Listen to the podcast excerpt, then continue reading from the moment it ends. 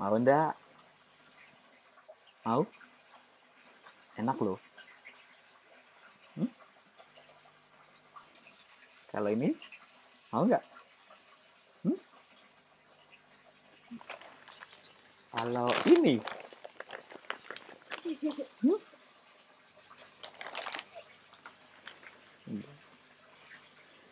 Loh, loh,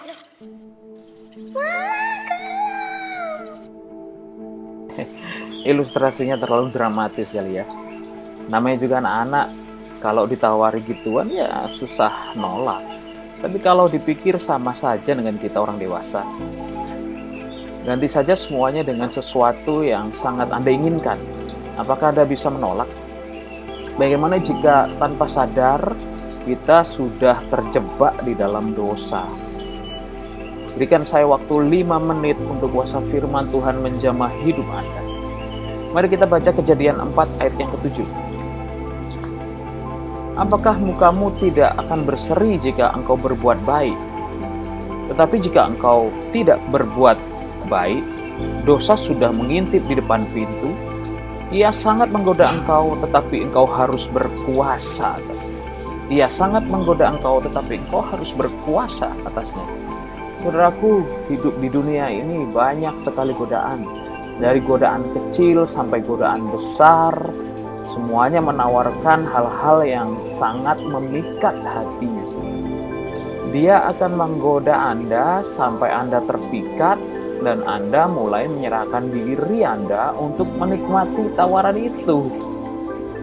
Betul tidak? Semua godaan sama tujuannya.